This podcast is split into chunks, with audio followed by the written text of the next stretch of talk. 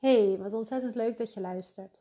Mijn naam is Lisanne en ik ben leefstijlcoach voor hoogsensitieve vrouwen die op zoek zijn naar meer balans in het leven. Met mijn podcast wil ik je aan het denken zetten hoe je stappen kunt nemen om gezonder te leven en echt voor jezelf te kiezen.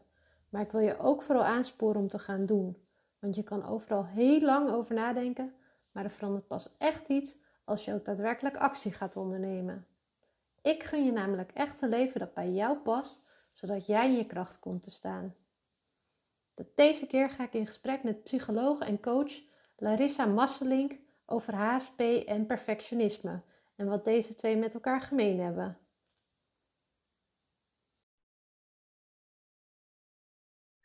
Wat leuk dat jullie uh, kijken of luisteren naar deze podcastaflevering.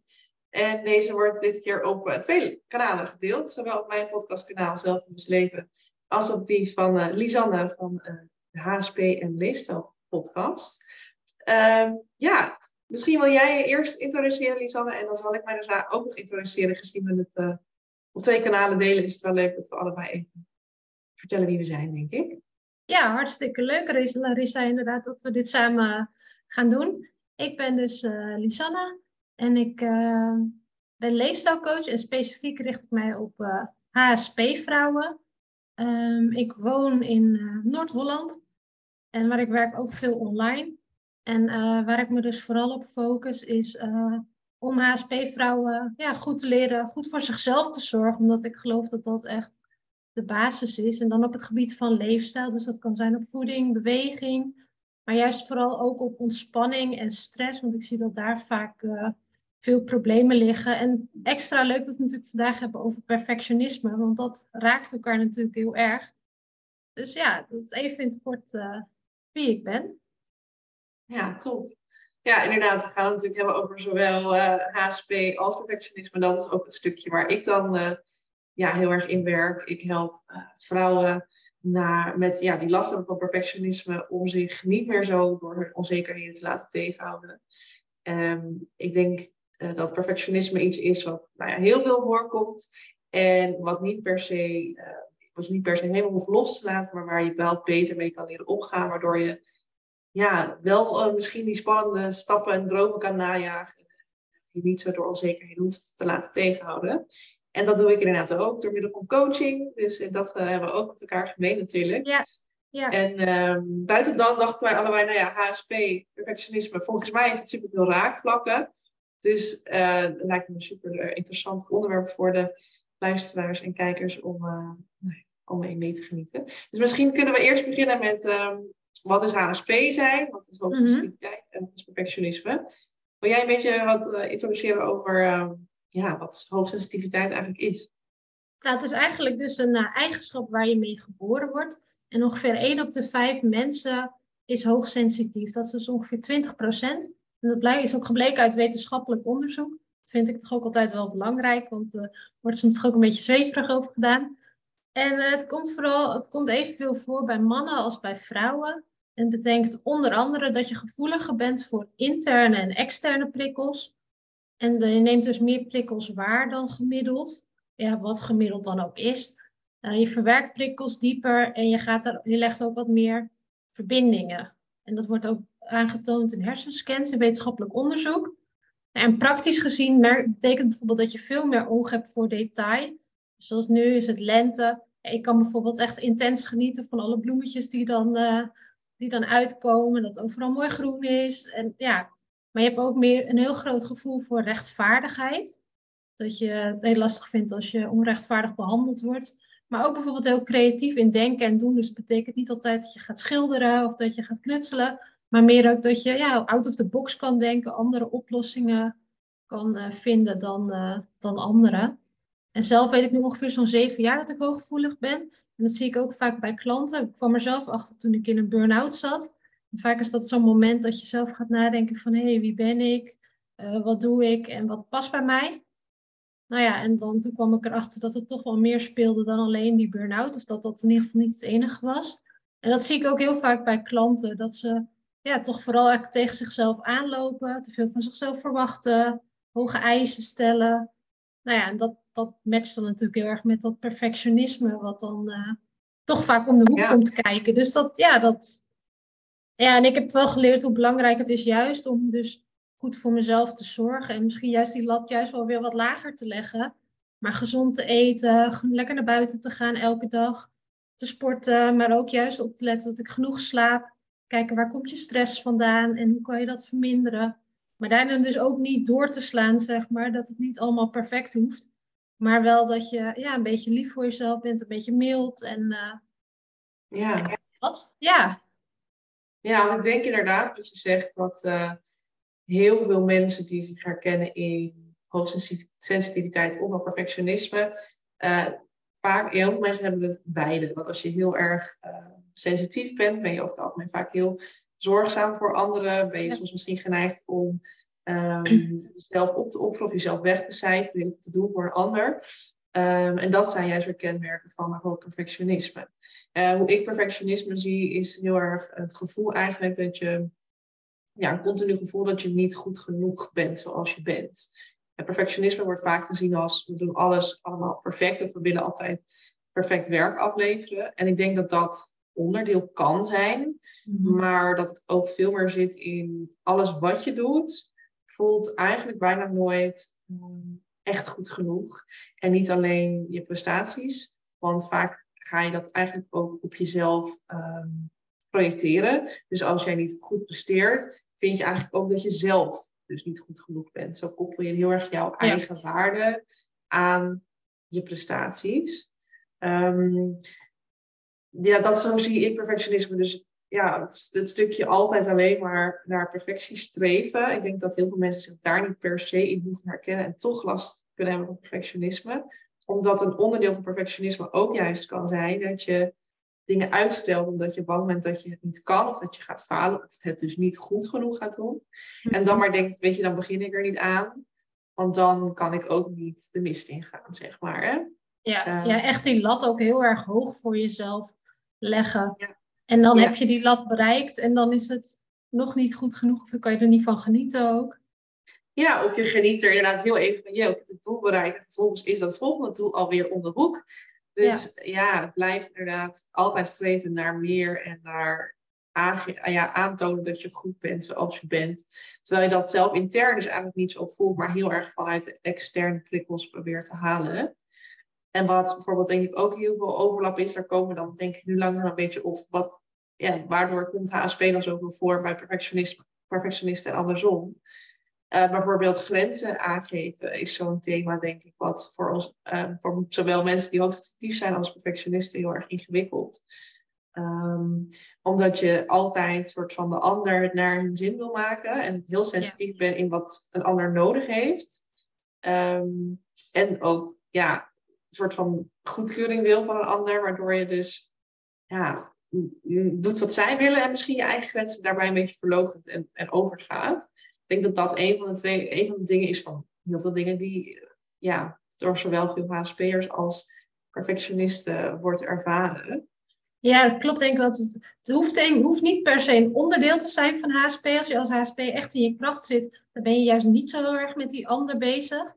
Maar dat is natuurlijk wel waar heel veel HSP'ers tegenaan lopen. Dat ze juist met die ander bezig zijn. Dat ze naar buiten, voor buiten het goed willen doen. En dat ze zich inderdaad heel goed kunnen inleven. Ook juist in die ander. Snappen wat de ander nodig heeft. Maar daardoor zichzelf inderdaad vergeten. Of juist hun grenzen inderdaad niet goed aangeven. Of überhaupt niet eens weten dat ze grenzen hebben. Ja. natuurlijk, daar begint het soms vaak al mee. Nee, en ik denk dat wat je zegt klopt, hè? want ik denk zowel bij HSP als bij perfectionisme, er zit ook juist een kracht in dat hele stuk. HSP is een super mooie eigenschap en de, de kracht dat, dat je allerlei dingen kan oppikken en heel sensitief bent naar wat iemand nodig heeft, is fantastisch. En ook naar wat je zelf ook nodig hebt, zou je ook, ben je ook sensitief voor, denk ik. Alleen je moet het wel horen, je moet het wel op die manier ook inzetten. In plaats van dat je inderdaad te ver gaat. Hetzelfde geldt voor perfectionisme. Um, het is niks mis mee met uh, kwaliteit nastreven of goed werk willen afleveren of op een, letten op wat een ander uh, fijn vindt en daar je best voor doen. Zolang je dingen maar bewust doet voor, en hmm. maar ook echt wel op een manier die bij jou past en die voor jou goed voelt. In plaats van altijd te ver gaan, nooit goed genoeg vinden of altijd je eigen grenzen of je eigen behoeftes voorbij gaan. Dus in beide zit denk ik echt wel kracht. Nou ja, juist ook. Ja, ik denk dat het allebei heel erg een kracht kan zijn. Maar dat je het wel ook uh, moet leren inderdaad voor jezelf in te zetten. Hoe het voor jou werkt. Dus denk ik, ja, dat is waar ik heel veel vrouwen mee help. Maar jij denkt ook precies dat je het inzet zoals het voor jou werkt. En dat het ook inderdaad als een kracht naar voren komt. In plaats van dat je juist leegzuigt. Want dat kan natuurlijk niet de bedoeling zijn. Ja, want wat zie jij als de, zeg maar, de superpower van de HSP zijn? Heb jij vast een. Nou, als ik voor mezelf spreek, dan vind ik het wel ook echt uh, oprecht geïnteresseerd zijn in de ander. Je kunnen inleven in de ander. Ehm, maar ook dat oog voor detail, dat vind ik ook wel gewoon dat je echt super erg kan genieten van hele kleine dingen. Maar vooral ook wel ja, dat, je, dat je er echt bent voor een ander en dat oprecht ook graag wil. En daar zit meteen voor mij en ook heel, voor heel veel mensen met wie ik samenwerk de grootste valkuil. Omdat je dat zo goed kan, vergeet je natuurlijk wat je zelf nodig hebt. En daar begint eigenlijk, in de basis begint het daarmee. Dat je eerst voor jezelf gaat uitzoeken van, hé, hey, want je zegt inderdaad al van, uh, dat je ook sensitief bent voor wat je zelf nodig hebt. Ja, dat klopt, maar meestal luisteren we zeg maar alleen naar de rode signalen, dat je echt helemaal in het rood zit dan denken we, oh ja, nu ga ik, ben ik veel te ver gegaan, nu ben ik alle grenzen overgegaan.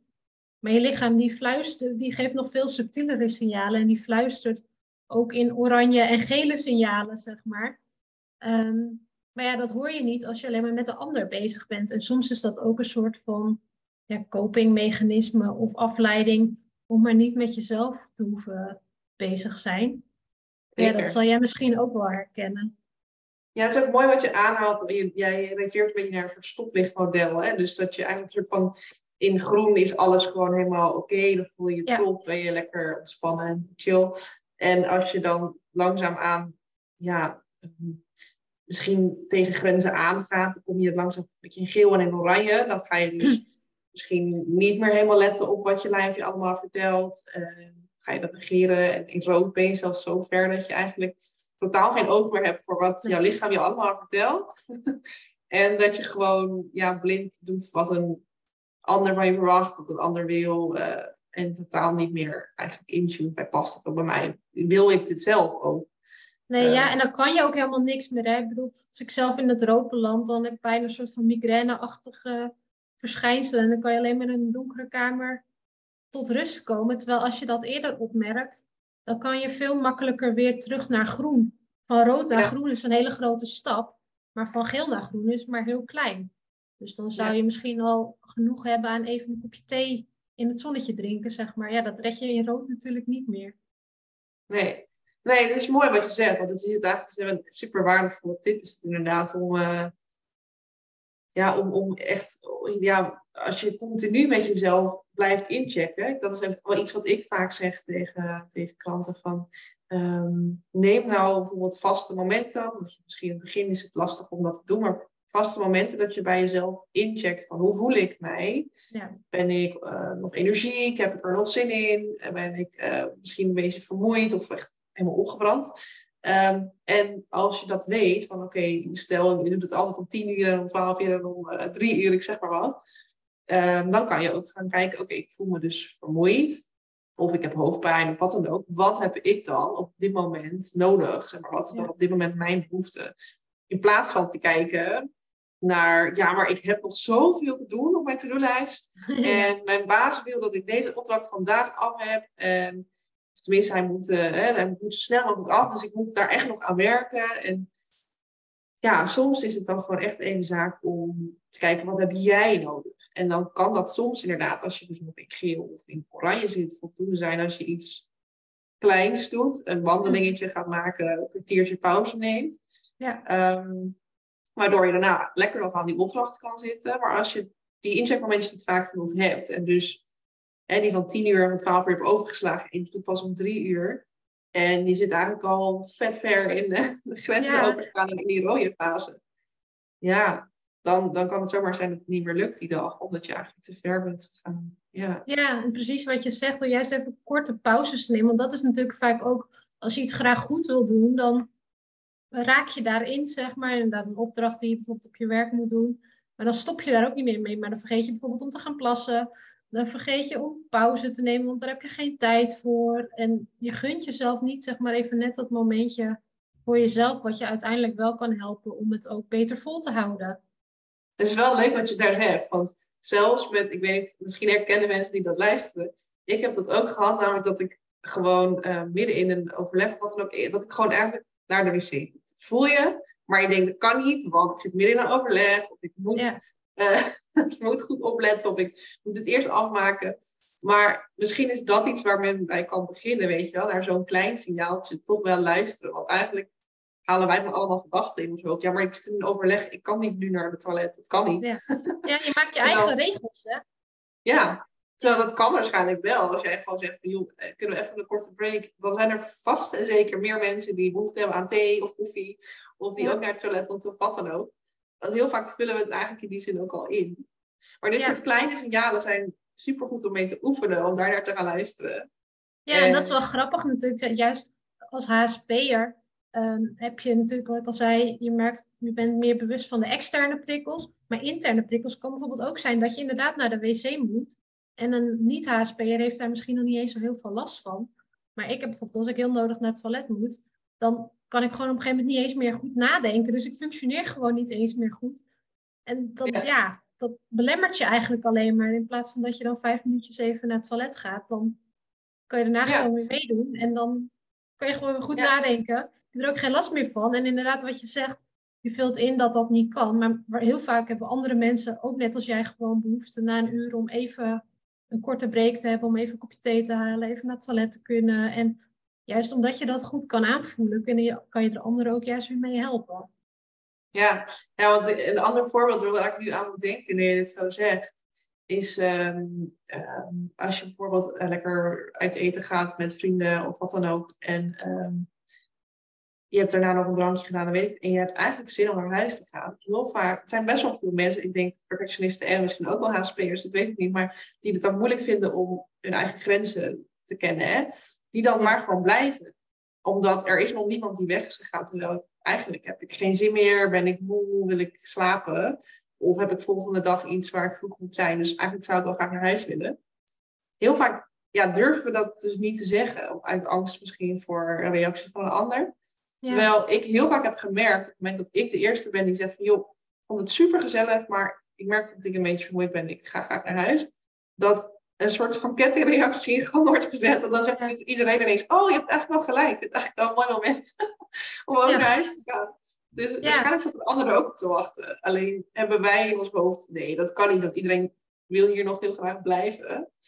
Ja. En dan ben ik weer de eerste. Ja, dat was wel grappig wat je zegt. Want grenzen aangeven klinkt dan heel heftig. Hè? Maar dat is natuurlijk ook een vorm van goed luisteren naar je lichaam. Inderdaad kijken, hé, hey, wanneer vind ik het nog leuk en wanneer niet meer. En ja, waarschijnlijk ben je helemaal niet de enige erin. Maar je gaat dan inderdaad ook weer voor de ander denken. En van, oh, dat kan niet. En uh, anderen willen wel blijven. Maar dat hoeft dus helemaal niet zo te zijn. En mijn man die is daar heel goed in. Die, dat vind ik altijd wel grappig. Van hem heb ik ook vaak geleerd om daar toch meer naar te luisteren. Inderdaad, op een feestje, dan gaat hij gewoon op een gegeven moment weg. Als hij denkt dat hij er genoeg van heeft. Terwijl ik denk van, oh ja, maar ik ben hier pas net. Of uh, wat zouden anderen daar dan niet van denken? En hij gaat gewoon. Hij zegt, nou, ik ben klaar en uh, ik ga, doei. Ja. Dus dat is eigenlijk best wel bevrijdend als je dat een paar keer hebt gedaan. Dat je denkt, oh, dat is ook gewoon een optie. Dan hoef je dus niet voor anderen na te gaan denken. Maar dat, ja, dat is gewoon eigenlijk, uh, ja, maakt het soms zelfs soms zo moeilijk.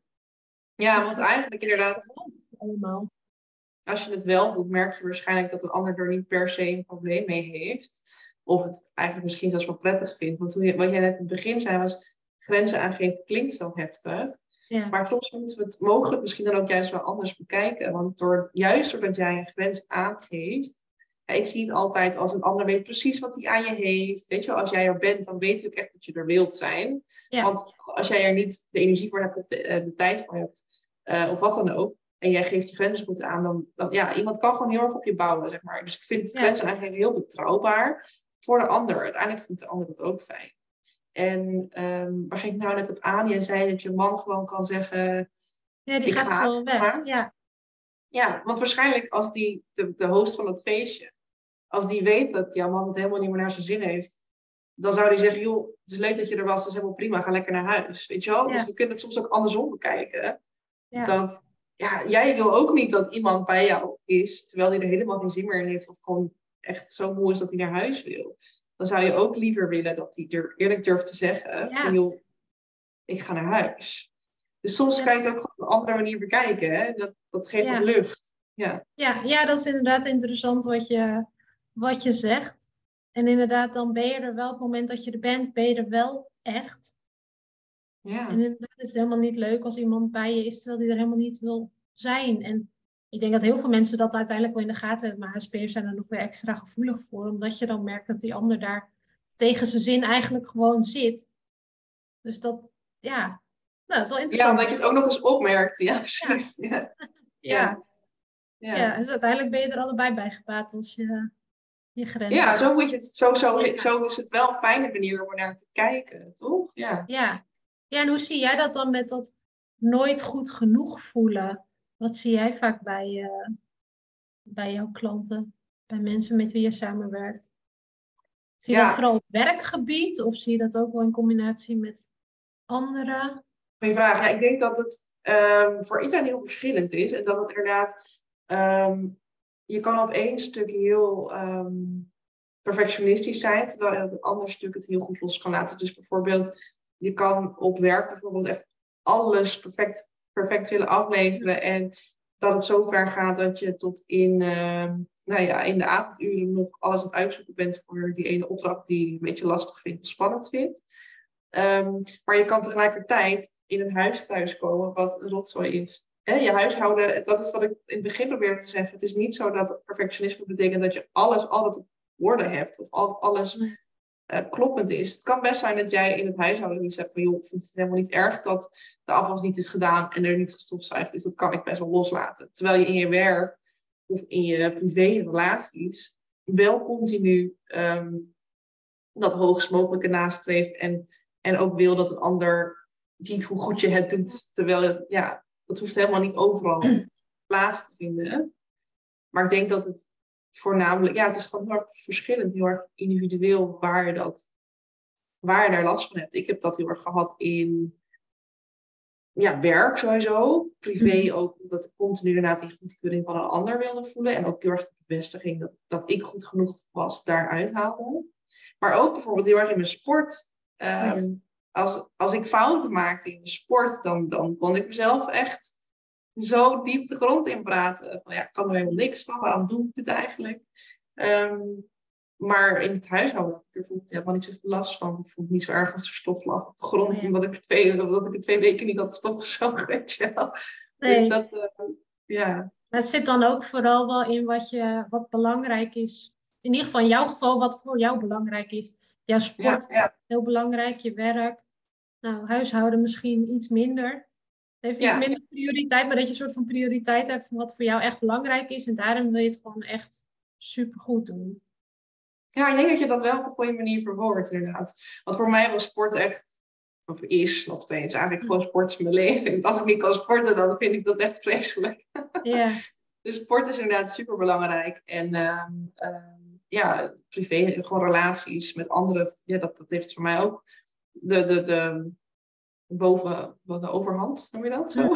Ja, ja. um, dus ik denk inderdaad dat je daar wel iets goed zegt, dat het inderdaad heel vaak is de, de, dat je de perfectionisme heel erg ziet in de, in de aspecten waar jij heel veel prioriteit of belang aan hebt. En dat dat niet overal dus hoeft voor te komen. Er zijn ook genoeg mensen die het super belangrijk vinden dat hun huis tip-top in orde is. Mm. En dat een visitekaartje is, terwijl ze op werk zoiets hebben van, joh, ik doe echt wel mijn best, maar het hoeft niet altijd uh, 10 uit 10 te zijn. Dus ja, dat verschilt denk ik heel erg inderdaad. Ja. ja, ik vind dat altijd wel interessant, want dan heb je dus die eigenschap wel ergens in je.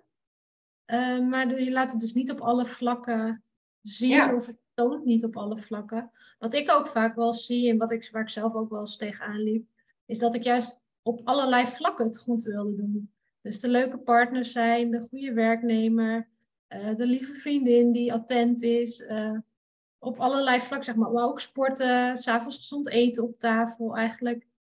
Ik hoef het niet allemaal perfect te doen, maar wel dat ik, het, dat ik nergens tekort wilde schieten, zeg maar. Ja, nou, dat is ook wel heel herkenbaar hoor. Ik denk dat uh, ook in de maatschappij leven waarin dat soort van ja, wordt nagestreefd. Je moet eigenlijk het totaalplaatje hebben. Ehm, want anders dan doe je het niet zo goed als een ander, of dan hoor je er niet bij, of wat dan ook. Um, wat ik mezelf altijd een beetje voorhoud en wat ik uh, ook wel meer mensen over heb gehoord, is er zijn zoveel, as, zoveel aspecten in je leven en je hebt natuurlijk maar een um, je hebt beperkte hoeveelheid energie, tijd. En, hè, dus uh, eigenlijk is het altijd zo dat je naar al die aspecten die jij net noemt, een goede partner zijn, misschien zelfs wel moeder, um, een fijne familielid zijn, uh, je werk goed presteren, al die dingen. Je kan nooit overal voor je volle 100% nee. maar alles geven. Dus er zal altijd een aspect zijn wat iets minder aandacht krijgt, iets minder energie voor over is. En het is aan jou om te bepalen welk aspect jij op dit moment in je leven zeg maar, het meest belangrijk vindt. Nou, het is grappig dat, dat je dat zegt. Ja, want ik ben daar juist de laatste tijd zelf ook heel erg mee bezig. Maar ik zie dat ook bij heel veel klanten terug. Dat juist die focus op van wat nu echt belangrijk is voor jou. En dat dat de basis is. Nou, ik ben zelf, vertelde het net al even in het voorgesprek tegen jou dat ik hoogzwanger ben.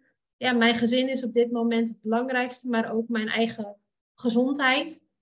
Nou ja, en dan kan ik dus met sommige mensen bijvoorbeeld niet afspreken hoe graag ik dat ook zou willen. Of ik kan niet meer sporten zoals ik dat graag zou willen. Maar ja, op dit moment is mijn rust en mijn gezondheid gewoon het allerbelangrijkste. Ja, en dan houdt het in dat je andere keuzes maakt dan dat ik misschien een half jaar geleden had gedaan of volgend jaar. En dat geeft soms wel wat meer focus ook om inderdaad te kijken van hé, hey, wat is nu voor mij het allerbelangrijkste? Waar wil ik me nu op focussen? Ja, dan komt de rest even later of volgend jaar of misschien wel niet.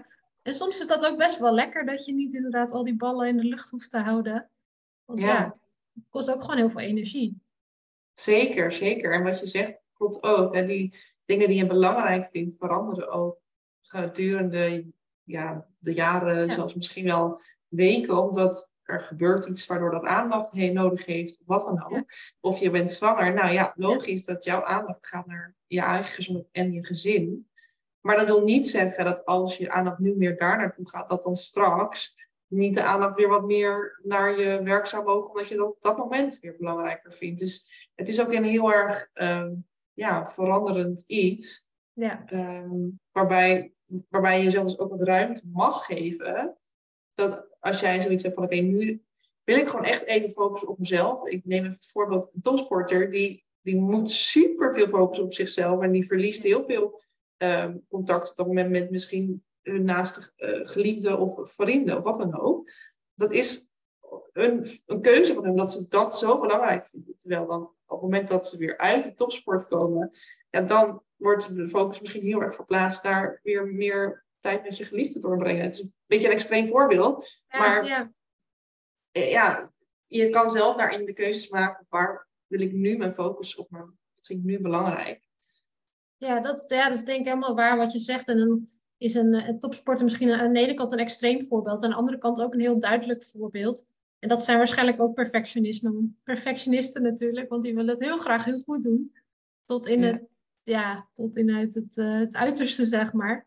Dat is natuurlijk wel een heel duidelijk voorbeeld, want alle focus en aandacht gaat op die sport. En als je inderdaad stopt als topsporter, dan moet je daarna je leven weer opnieuw gaan inrichten. En überhaupt misschien eens gaan uitzoeken wat nou eigenlijk belangrijk voor jou is, nu je die sport niet meer hebt. Ja, ja. en dat is ook wel mooi om te, om te voelen. Zeg maar, we worden natuurlijk ook best wel vanaf jongs af aan een soort van in een pad geduwd. We moeten je moet het eerste school af om dan nog doorstuderen, dan op dit, dan op dit. En het lijkt alsof je dan een soort van al in een vaste patroon zit van daar ga ik naartoe. Ja. Terwijl er is dus altijd een moment, je kan altijd een moment kiezen dat ik denk, oké, ik wil niet meer op deze manier, ik wil het graag anders. En ja, ehm, ja dat, dat, dat is dus niet makkelijk. Ja, absoluut niet makkelijk, maar het is natuurlijk wel een mogelijkheid en het hoeft soms niet altijd helemaal radicaal anders. Maar dat kan bijvoorbeeld ook al met kleine stapjes. Juist. Ja. Maar wat je zegt inderdaad, zijn, ja, het is toch wel heel erg hoofdgerichte maatschappij, zeg maar. We zijn een beetje vergeten naar ons lichaam te luisteren. En ik vind het altijd leuk als ik naar mijn eigen dochter kijk van drie. Die is nog zo heel erg in het nu. wij zijn bezig met gisteren, morgen, volgend jaar plannen maken. En zij wil gewoon nu spelen. Ze wil nu in de zandbak. Ja, dan gaat ze nu in de zandbak spelen. Die denkt helemaal niet aan wat anderen daarvan vinden. Of hoe dat allemaal. Ja, die is helemaal niet met andere momenten bezig. En dat vind ik altijd leuk van kleine kinderen. En we verleren dat eigenlijk gedurende ons leven een beetje. Dat luisteren naar ons lichaam en luisteren naar waar we nu behoefte aan hebben. Of wat nu voor ons belangrijk is. Maar ik denk dat we daar veel meer op mogen focussen. Dat je ook veel meer rust geeft. Als je wat meer naar je lichaam luistert. En dan kom je toch weer waar we mee begonnen over die incheckmomentjes. Ja, dat dat gewoon wel echt heel erg belangrijk is om goed voor jezelf te voelen van hé, hey, hoe gaat het nu eigenlijk met me? Nu, niet gisteren, maar nu. Ja. En uh, ja, waar heb ik nu behoefte aan? Ja. ja, het is een mooi voorbeeld ook hoe je het geeft, want het is inderdaad zo aangeleerd. Dus je, ja. Dus het is misschien ook wel iets wat, wat, waar iemand ook wat aan kan hebben. Dat je het gewoon kan afvragen aan jezelf. Soms niet alleen waar heb ik nu behoefte aan. Maar wat zou misschien dat kleine kind in mij gedaan hebben. Weet je wel? Als ik nog, ja. gewoon, als ik nog alles, alles kon. En, en ik hoef niet te denken over wat ik gisteren heb gedaan en wat ik morgen ga doen. Alles, alles is mogelijk. Ik ben weer even klein. En ik heb gewoon ergens behoefte aan. Of ik ergens zin in. En dat mag ik gewoon gaan doen. Ja. Want het is zo zonde inderdaad. Natuurlijk is het logisch dat wij dingen leren. En dat, we, dat er misschien wat... Hè, sommige dingen moet je misschien niet meer doen zoals je het vroeger deed. Nee, nee, nee. Iets minder dramatisch soms. Nou, bijvoorbeeld. en het is ook goed dat je een bepaalde grenzen meekrijgt. Van ja. hier binnen uh, mag ik gewoon uh, vrij acteren, zeg maar. Maar we leggen ons wel heel veel beperkingen en regels op. Die uh, niet altijd even nodig zijn. En als klein kind heb je daar gewoon niet zoveel. Daar denk je gewoon niet over na. Dat, dat is echt nee. heel vrij. Ja. ja, en volgens mij, dat zie ik vaak, maar dat het vooral ook je eigen regels zijn. Dat het deels natuurlijk vanuit de maatschappij hebben we natuurlijk regels wat hoort en wat niet hoort en wat wel kan en wat niet kan. Maar deels ook heel veel dat je jezelf ook van alles oplegt van wat wel en niet kan. Of wat anderen daar dan wel niet van zouden kunnen bedenken. Terwijl je soms veel vrijer bent dan dat je dacht dat je was. Ja, ook dat is denk ik weer heel veel waar we het eerder over hadden, uh, gerelateerd aan aannames. Want ik kan dat niet doen, want dan zal inderdaad een ander dat wel heel erg raar vinden. Of misschien uh, overtreed ik dan wel een soort van regels op, op werk bijvoorbeeld. Als je ziet waar ergens nog...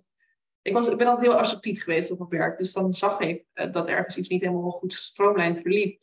Dan ging ik daar gewoon al wat voor doen, zeg maar, om dat beter te laten verlopen. Maar je kan ook jezelf de regel opleggen ja, dat mag ik niet zomaar doen, want stel mijn leidinggevende vindt dat dat, niet, dat dat niet mijn taak is of zo. Terwijl ik dacht van ja, ze kunnen er toch alleen maar blij mee zijn dat het al verbeterd is. Dus zeg maar, die regel heb je jezelf opgelegd, maar je weet helemaal niet of dat ook daadwerkelijk zo is. Ik denk dat het heel vaak, heel vaak mogen onze gedachten wat vaker, uh, wat meer uitdagen van, klopt het wel wat ik zeg? Want we nemen het aan voor waarheid, maar wie zegt dat dat de waarheid is? Ja, en dat vind ik interessant ook aan mindfulness. Maar dat je gewoon je gedachten als een soort. Dat je niet zeg maar identificeert met je gedachten. Dus je bent niet je gedachten, maar dat die komen en die gaan en die zijn niet per se ook waarheid. Dat is vaak wat we inderdaad. Ik denk, dus ik ben. Dat is een beetje wat we veel doen, natuurlijk veel in dat hoofd zitten. En uh, vanuit de mindfulness ga je juist weer meer ook naar het nu, naar het moment, naar je lichaam. En inderdaad, gedachten zijn niet wie je bent, maar die komen en die gaan. En die zijn misschien nog niet altijd helemaal waar. En het, het levende zijn dus kinderen, want ja. die, die hebben dat nog niet. Dus we hebben dat echt ontwikkeld. Het, het is er niet. Het is niet van, ik, inderdaad, ik, ik denk dus ik ben, dat is gewoon, dat is gewoon niet zo. Zeg maar, ja. Ja, het is wel handig hè, dat hoofd, want die doet ook heel veel slimme dingen. Dus je hoeft heus niet zonder dat hoofd. Maar het is wel handig als dat hoofd en dat lichaam wat meer gaan, uh, gaan samenwerken. Ja. ja. en dat is uiteindelijk denk ik waar jij dan ook heel erg die HSP, vrouwen met HSP bij begeleidt. Om dat meer balans te krijgen, denk ik. Ja, ja, dat zit dus vooral inderdaad in het stuk dat uiteindelijk alles wat meer in balans is. En balans bestaat niet letterlijk in de zin van dat het een flatliner is, zeg maar. Want dat, ja, daar geloof ik niet zo in. Maar dat het, het is eigenlijk continu in beweging eigenlijk in je hele leven. Maar wel dat uh, je, het mentale stuk, maar ook je lichamelijke stuk, gevoelstuk, maar ook je intuïtie dat, dat, en zingeving, zeg maar, dat dat samen wel in balans is. En de ene keer neemt het een wat meer ruimte in dan het ander. Maar als jouw hoofd heel veel ruimte inneemt, dan is er bijvoorbeeld heel weinig ruimte voor je gevoel en voor je lichaam. En dat dat wat meer in balans ook komt, maar ook op het gebied natuurlijk van ja, gezonde keuzes maken. daarin kan je natuurlijk ook heel erg doorschieten. Hè? Dat zie je natuurlijk tegenwoordig ook met allerlei gezondheidshypes in eten, maar ook in het sporten, dat sommigen daar echt best wel ver in gaan. Ja. ja en ik denk dat dat helemaal niet per se nodig is. Ik, ik ben zelf heel erg nuchter en denk, uh, doe maar normaal, dan doe je al gek genoeg. En gewoon ook een beetje je gezonde verstand gebruiken. Ehm, maar ja, dat is wel een beetje zoeken natuurlijk. En ook zoeken wat daarin voor jou werkt. Ja. ja. Want jij zegt inderdaad van je sport veel. Mm Dat is dus ook wel iets wat voor jou belangrijk is. Ja, ik moet eerlijk zeggen dat heel veel van de gesprekken die ik ook voer voor de podcast gaan eigenlijk heel vaak komt het weer uit op inderdaad in je lijf komen en meer contact ermee maken, terwijl je ook daar in je hoofd meeneemt. Maar inderdaad, ik denk sport, ja, sport is voor mij altijd al een uitlaatklep geweest. Ehm, en inderdaad ook wel echt een manier om even volledig te zijn, zonder overal over na te denken. En dat is het dus niet altijd geweest, omdat ik ook juist heel erg ambitieus was in mijn sport en alles eruit wilde halen. Dus daarin kon ik ook soms juist doorschieten naar het moet nog beter, ik moet nog beter presteren, ik moet nog hoger komen. Totdat ik ongeveer, ik denk op mijn, uh, nou op mijn vijftiende begon ik, dat was op zich al vrij vroeg, want ik ben echt van mijn achtste tot, uh, tot mijn vijftiende volle bak gegaan voor het hoogste niveau. En op mijn vijftiende merkte ik al wel, oké, er is meer dan alleen maar presteren. Ik mag er ook ja. wel genieten. maar ik denk pas vijf jaar later of zo, of op mijn twintigste of zo, toen dacht ik, ja, maar wil ik echt puur en alleen maar altijd gaan voor beter? Of mag ik ook wel af en toe gewoon genieten van waar ik nu ben? Weet je wel? Ja. En, uh, Ja. en dan, toen kon ik ook wat meer sporten zien als wat het eigenlijk is, namelijk contact met je lichaam. En niet hier zitten, in je Ja. hoofd. Ja. Ehm, Ja, want dat is het ook vaak. Hè. Som- heel veel mensen zien sporten ook als een soort van verplichting. Nou, voor jou is het ook wel echt, echt een uitlaatklep. En dat is denk ik ook ja, juist uit dat hoofd in dat lichaam. Dat Ja. dat heel erg belangrijk is. En ik vind bijvoorbeeld wandelen heel erg fijn. Ja, dan heb je ook Ja. meteen met de omgeving in de natuur bezig zijn. Ja, dat, dat is ook al heel veel. En het hoeft niet per se altijd ook heftig sporten te zijn. In jouw geval is dat natuurlijk wel wat je dan leuk vindt. Ja. Daar kan je ook uitlaatklep in hebben natuurlijk. Maar het gaat er alleen om dat je überhaupt in beweging komt. En dat je dingen gaat doen waar je blij van wordt. Want dat is denk ik het allerbelangrijkste. ja, sporten moet ook niet een verplichting, als een verplichting Nee.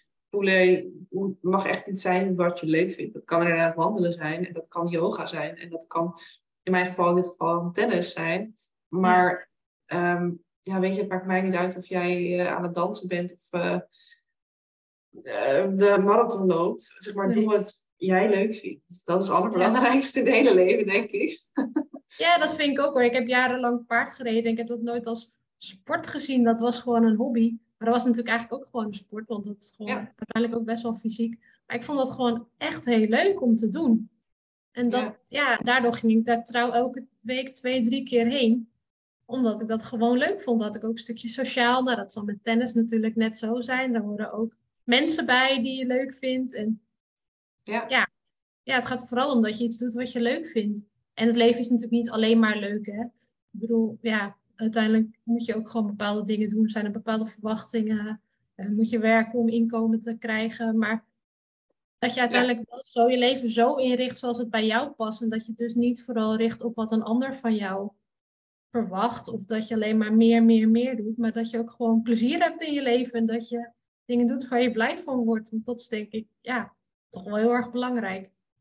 Ja, ik denk juist als je genoeg tijd maakt voor de dingen die je echt heel leuk vindt, waar je energie van krijgt, het liefst inderdaad meerdere keren per week, heb je ook juist de energie om de dingen te doen die niet altijd leuk zijn en die gewoon moeten Ja. gebeuren. Ja. Ja, Hey, wil jij wat meer vertellen over, want we zitten al zo lang te kletsen. Ik denk ja het dat, is al best een tijd, hè? Ja. ja, hè?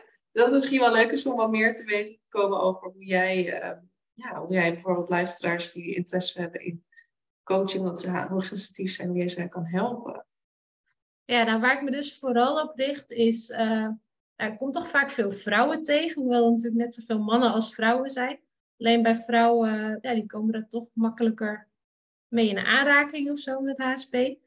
En waar ik ze dus vooral ook bij help, is eigenlijk een soort van gebruiksaanwijzing voor jezelf leren kennen van wat werkt nu voor mij. Dus ik ben helemaal niet van opgelegde diëten of vertellen hoe vaak je moet gaan sporten of niet. Maar dat je eigenlijk voor jezelf, nou eigenlijk dat stoplicht ook wel een beetje gaat uitzoeken van hé, hey, uh, wanneer ben ik overprikkeld en wat merk ik dan aan mijn lichaam? Wat heb ik op zo'n moment ook nodig? En hoe kan ik juist ervoor gaan leren zorgen dat ik signalen eerder ontdek? Dus eigenlijk inderdaad vanuit dat hoofd steeds beter naar je lichaam luisteren. En dus ook goed voor dat lichaam zorgen. Dus zorgen dat je gezond eet, dat je voldoende beweegt. En wat dat dan is, dat maakt mij helemaal niks uit. Maar ga vooral iets doen wat je leuk vindt. Maar ook op het gebied van stress, van wat geeft jou stress? En wat zorgt er juist voor, misschien heb je ook juist wel behoefte aan uitdaging en afwisseling. Ja, dan hoe kan je dat dan vinden? Maar hoe, hoe werkt het voor jou? Ik denk dat dat in mijn begeleiding het allerbelangrijkste is. Dat je voor jezelf gaat leren van, hé, hey, hoe zorg ik er nou voor dat ik eigenlijk... Nou, je hoeft niet continu in dat groen te zijn. Je hoeft ook niet continu in balans te zijn. Maar dat je wel weet van, hé, hey, hoe werkt het nou voor mij? En hoe kan ik ervoor zorgen dat ik, nou, dat ik lekker in mijn vel zit. Dat ik uh, het fijn heb met mezelf. Dat ik ook aandacht heb voor anderen. Maar dat ik niet continu met alleen maar de ander bezig ben. Want dat is wat ik, wat ik vaak zie, inderdaad. Maar dat je juist jezelf in de basis voorop stelt. En dat die ander nog steeds heel belangrijk is maar dat het wel op jouw voorwaarden gaat. En praktisch is dat uh, door één op één coaching, denk ik, als ik het zo Ja, klopt inderdaad. Ja, op één op één coaching inderdaad. En ik geef ook vaak, ik ben heel erg praktisch ingesteld, dus ik geef ook vaak opdrachten mee, zodat je in de tussentijd ook zelf uh, aan de slag kan met opdrachten, om in de praktijk ook juist dingen te gaan doen. Want dat is wat ik ook heel veel zie en wat ik ook wel veel hoor uit jouw verhaal zijn heel geneigd om over, over na te denken en allemaal te bedenken hoe dat dan allemaal moet. Maar uiteindelijk moet je ook gewoon dingen gaan doen. Dingen gaan uitproberen en kijken wat werkt en wat niet. En soms, ja, soms werkt het niet. Vond je het niet leuk? Nou, helemaal prima, dan weet je dat.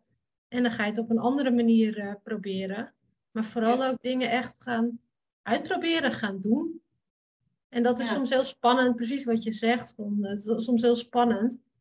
Maar ja, als je het niet doet, dan weet je het ook niet. En daar kan je alleen maar weer van leren ook. En hoe is dat dan voor jou? Hoe begeleid jij anderen? Ja. Jij nou ja, ik heb net, uh, als jij inderdaad een één op één coach traject. Um, het is natuurlijk heel erg aansluitend bij, bij waar iemand het meeste ja, tegenaan loopt in het dagelijks leven. Dus het kan bijvoorbeeld heel erg zijn uh, heel erg moeilijk los kunnen laten van meningen van anderen en continu daarmee bezig zijn om anderen te pleasen. Dat hoort heel veel. Um, hoe je daarin dus wat meer ja, voor jezelf kan gaan kiezen zonder daar heel schuldig over te voelen bijvoorbeeld. Um, ja, we hebben het gehad over hè, dat leren grenzen aangeven en voor jezelf opkomen. Dat zijn ook grote thema's die, ja, die je veel ziet. Mm -hmm. Maar ook wel heel erg meer richting uh, accepteren wie je zelf bent. Ik denk dat dat eigenlijk de basis is van alles. Um, jezelf goed genoeg vinden zoals je bent. En um, ja, ik denk dat daar gewoon heel veel, ja, heel veel stappen in zijn te zetten. Vaak nog om oprecht op jezelf te vertrouwen. Maar ik heb het woord zelfvertrouwen wat altijd heel anders geïnterpreteerd. Het was, ik zag het nooit als um, hoe ik het zelfvertrouwen nu zie, is dat je echt, uh, wat er ook gebeurt, wat er ook op je pad komt, dat jij weet, oké, het komt wel goed, ik kan dat wel oplossen. Gaan intern vertrouwen in jezelf. En vroeger dacht ik altijd, zelfvertrouwen is ja, ik vind dat ik er prima uitzie en ik weet dat ik dit kan of zo. Zo zag ik zelfvertrouwen. Maar nu weet ik dat het echt is dat je intern een gevoel kan hebben. Um, ja, ik, ik, ga, ik ga gewoon alles aankunnen wat op het pad komt. En er komt wel een oplossing. En dat gun ik mensen echt van harte om dat ook te voelen. Want het geeft een, ja, heel veel ontspanning en veel meer geluk in je leven dan dat je waarschijnlijk dan nu ervaart als je dat zelfvertrouwen niet hebt. Dus daar, ja, dat vind ik een heel belangrijk iets om samen op te gaan bouwen. En eigenlijk doe ik dat een beetje vergelijkbaar, denk ik, als jij het doet in, uh, in een traject, maar ook zeker met inderdaad concrete opdracht om mee bezig te gaan. Want eigenlijk is het één groot experiment, hoe jij het ook zegt. Ja. En um, wat, ik bedoel, ik, ik werk met uh, heel veel vragen stellen, zodat je zelf tot inzichten komt, maar ook gewoon soms eigen tips geven als iemand daar behoefte aan heeft. En dat wil niet zeggen dat hetgene wat ik heb gedaan voor jou ook altijd werkt. Dus het is gewoon een beetje zoeken. En dat is ook oké, totdat je vindt wat voor jou werkt. En dan valt er een kwartje en dan ga je het anders kunnen zien. Ehm, ja, en dat is gewoon een heel mooi, mooi proces om bij ja. aanwezig te mogen zijn en bij mij te mogen helpen. Ja, en het is denk ik heel mooi wat je zegt over dat zelfvertrouwen. Dat het niet een soort van op je borstklopperij is. Of oh, ik ben zo goed. Of weet ik veel wat. Maar dat je inderdaad echt ja, letterlijk op jezelf kan vertrouwen. Dat je blij bent met wie je bent. Dat je er voor jezelf staat. Ja. Dat, ja, vind ik echt heel mooi dat je dat zo zegt. En ik denk dat er nog een wereld te winnen valt. Zeker. Allen, dat we gewoon, ja aan de ene kant vind ik het heel zonde. En aan de andere kant denk ik, nou, het is wel fijn dat we daar ook gewoon een mooie bijdrage aan kunnen leveren. Want het geeft mij in ieder geval heel erg veel voldoening om anderen ja, in hun kracht te zetten en ja, ze verder te helpen. Ja. Absoluut. En het is denk ik ook mens eigen dat we allemaal gewoon. Je bent nooit uitgeleerd, uitgegroeid. Je mag continu blijven ontwikkelen. En dat we daar steeds in kunnen bijdragen is fantastisch. Ja, ja, ik word er in ieder geval heel erg blij van. En jij ja, absoluut. Uh, Zeker weten. Ja. Nou ja, en sowieso ook super leuk om zo samen hierover uh, over te kletsen en uh, van gedachten te wisselen. Ja, dat is uiteindelijk wel een leuk, gewoon een leuk gesprek geworden. Dus ik eh, denk dat, ja, dat mensen die hier naar luisteren er hartstikke aan kunnen hebben. Super leuk om dat zo samen doen, absoluut. Ja, ja, ik denk heel veel raakvlakken. En aan de andere kant ook weer een ander focuspunt, maar wel heel veel raakvlakken. En, ja, ja, zeker. Ja, nou superleuk. Een leuk gesprek, ja. Ja, van hetzelfde. Dankjewel. En waar kunnen mensen jou vinden? Hoe kunnen ze jou bereiken? Ja, goeie nog. Um, ja, we kunnen wel even wat, uh, denk ik, wat details in de show notes zetten. Maar uh, uiteraard uh, via mijn Instagram. Eh, dat is gewoon Larissa Masselink, mijn naam. En via mijn website. Dat is www.zelfbewustcoaching.nl. Dat zijn denk ik de twee grootste kanalen waar je mij kan vinden. En, en dat van jou. Ja, en je podcast natuurlijk, hè? Ja, uiteraard. Ja. Daar komt deze uit terecht. Ja, ja, helemaal. Ja. Uh, nou, ik, mijn bedrijf heet Happy Healthy Balance. Dus zo kan je me ook op Instagram vinden. En mijn website is www.hhbcoaching.nl. Ja, inderdaad via de podcast. En ja, als je vragen hebt, dan mag je natuurlijk altijd een berichtje sturen of een mailtje. Of, ja, ja, absoluut. Superleuk. Nou, hartstikke leuk om deze podcast op te nemen. Dan kunnen we hem ja. mooi afsluiten. Dankjewel. Dankjewel.